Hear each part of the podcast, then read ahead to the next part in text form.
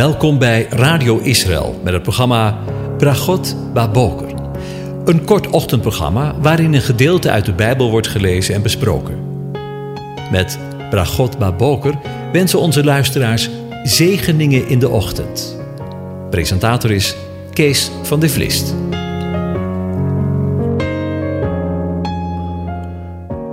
Goedemorgen, Bokatov, beste luisteraars. Ook vanmorgen denken we weer na en verder na over Psalm 135. En ik lees de eerste twaalf versen aan u voor. Halleluja! Loof de naam van de Heere. Loof hem, dienaren van de Heere, u die staat in het huis van de Heere, in de voorover van het huis van onze God. Loof de Heere, want de Heere is goed. Zing psalmen voor zijn naam, want die is lieflijk. Want de Heere heeft zich Jacob verkoren, Israël, als zijn persoonlijk eigendom. Want ik weet, de Heere is groot. Onze Heere gaat alle goden te boven. Al wat de Heere behaagt, doet hij, in de hemel en op de aarde, in de zeeën en alle diepe wateren. Hij doet dampen opstijgen aan het einde van de aarde. Hij maakt bliksemflitsen bij de regen. Hij brengt de wind uit zijn schatkamers naar buiten. Hij trof de eerstgeborene van de Egypte, van de mens af tot het vee toe. Hij zond tekenen en wonderen in uw midden, Egypte, aan de farao en al zijn dienaren. Hij versloeg vele volken en doodde machtige koningen, Sion, de koning van de Amorieten, en Och, de koning van Bazan, en alle koninkrijken van Canaan. Hun land gaf hij als erfelijk bezit, als erfelijk bezit aan zijn volk Israël. Tot zover. Over de verlossing van Israël nog een keer gesproken. We denken vandaag weer verder na over de verlossing van Israël. Als kind, maar ook nu, kom ik steeds weer onder de indruk van Gods machtsvertoon van Israëls verlossing uit Egypte. Het grootste machtsvertoon wordt eerst genoemd in de psalm. Hij trof de eerstgeborene van Egypte van de mens af tot het vee toe. Zijn macht over leven en dood. Hij heeft dit opperste machtsvertoon laten voorafgaan door tekenen en wonderen in het midden van Egypte. Lezen we in vers 9. De schrijver van de psalm richt zich midden in zijn betoog ineens tot Egypte. Zozeer is hij betrokken bij wat God heeft gedaan en daarvan is hij onder de indruk. De farao en al zijn dienaren hebben in de tekenen en wonderen die in het midden van hen zijn gedaan, de macht van God moeten erkennen. De Israëlieten hebben hun bestaan te danken aan de verlossing uit Egypte door de aanwezigen. Daarom wordt dit steeds maar herhaald.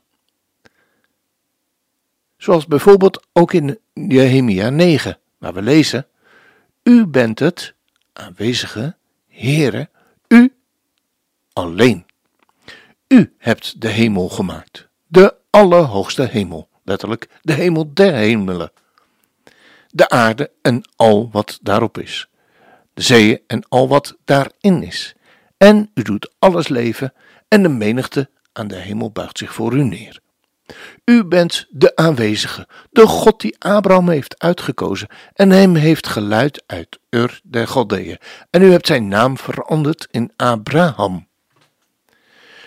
U hebt zijn hart trouw bevonden voor uw aangezicht en u hebt een verbond met hem gesloten en hem het land gegeven van de Canaanieten, de Hethieten, de Amorieten, de Ferezieten, de Jebusieten en de Girgazieten, om het te geven aan zijn nageslacht. U hebt uw woorden gestand gedaan, want u bent rechtvaardig. En dan volgen de woorden waar het me eigenlijk om gaat. U hebt de ellende van onze vaderen in Egypte gezien, en u hebt hun geroep bij de schuilschee gehoord.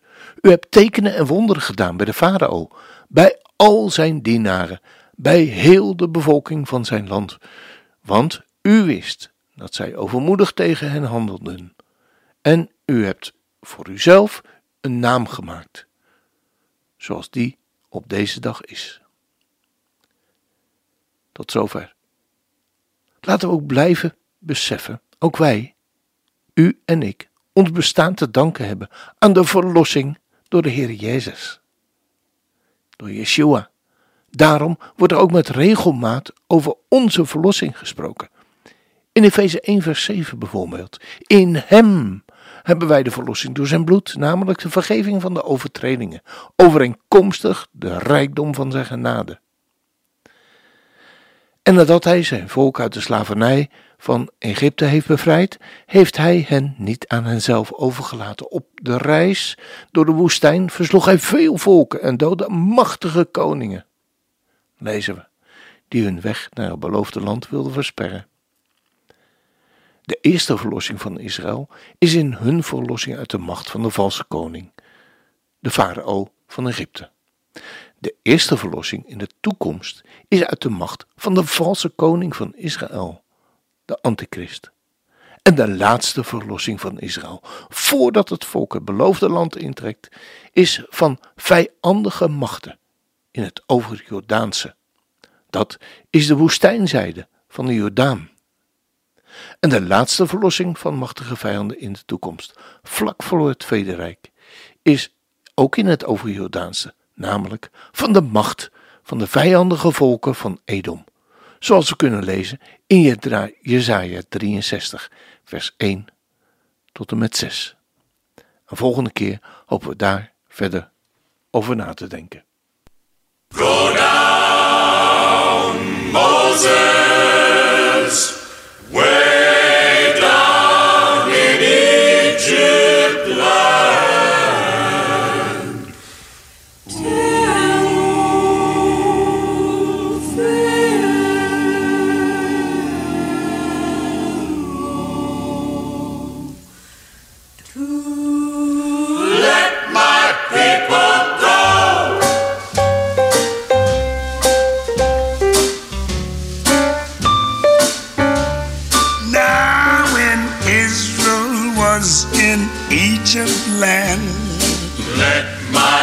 People go.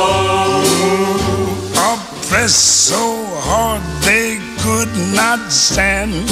Let my people go. So the Lord said, Go down, go down, Moses, Moses. way, Way down, down. in Egypt land. Tell old Pharaohs to let my people go. Let my people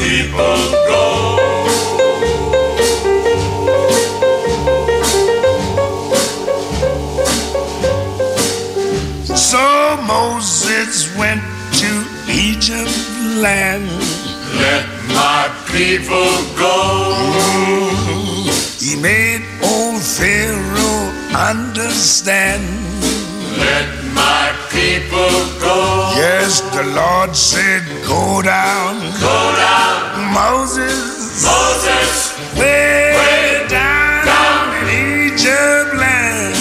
Tell all Pharaohs to let my people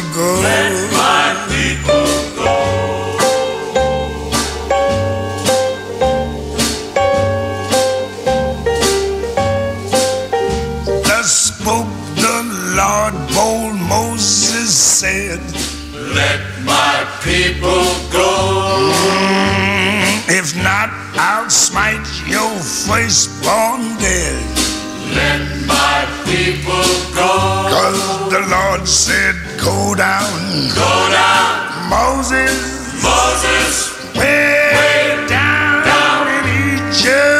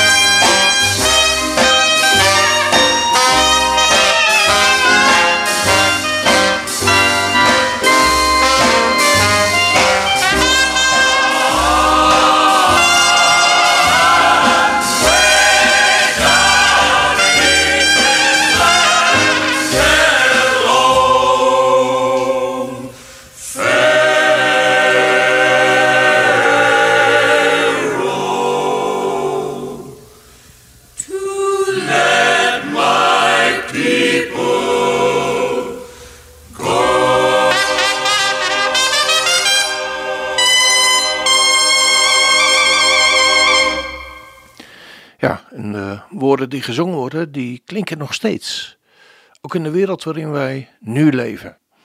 Want hoeveel mensen zijn er wel niet die Aliyah willen maken? Nou, en daar niet voor in de gelegenheid zijn. Let my people go. Laat mijn volk gaan. Ja, daarmee zijn we weer aan het einde van deze uitzending gekomen. En wens ik u God zegen toe. De Heer zegent en hij behoedt u. De Heer doet zijn aangezicht over u lichten en zij u genadig. De Heer verheft zijn aangezicht over je en geeft je zijn vrede, zijn shalom. Amen.